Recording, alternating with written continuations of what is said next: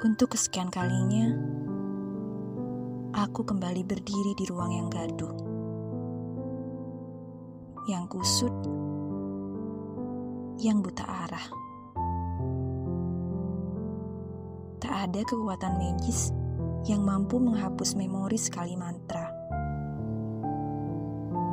Kebersamaan kita, senyummu, baikmu, akan membekas.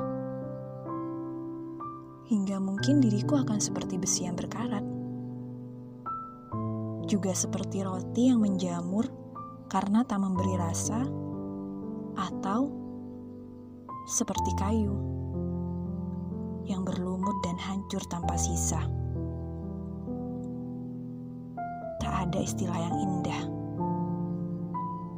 Pada akhirnya, semuanya adalah hal yang terlupakan dan menghilang. Dan itu adalah aku.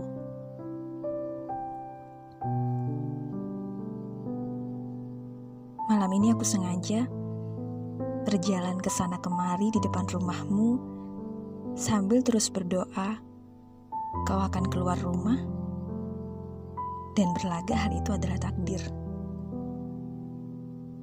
Tapi percuma. Yang kutemui hanyalah rumput di depan rumahmu.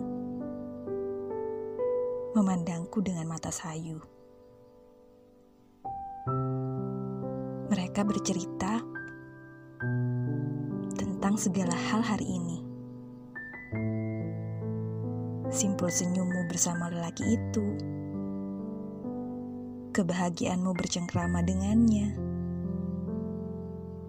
telah menjadi kisah manis yang kau tunggu selama ini. Hmm, mungkin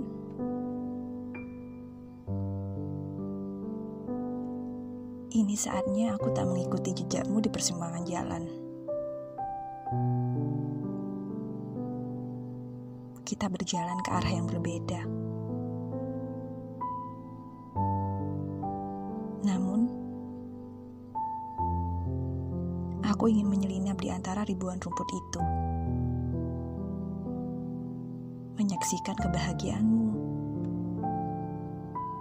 Memberikanmu udara segar.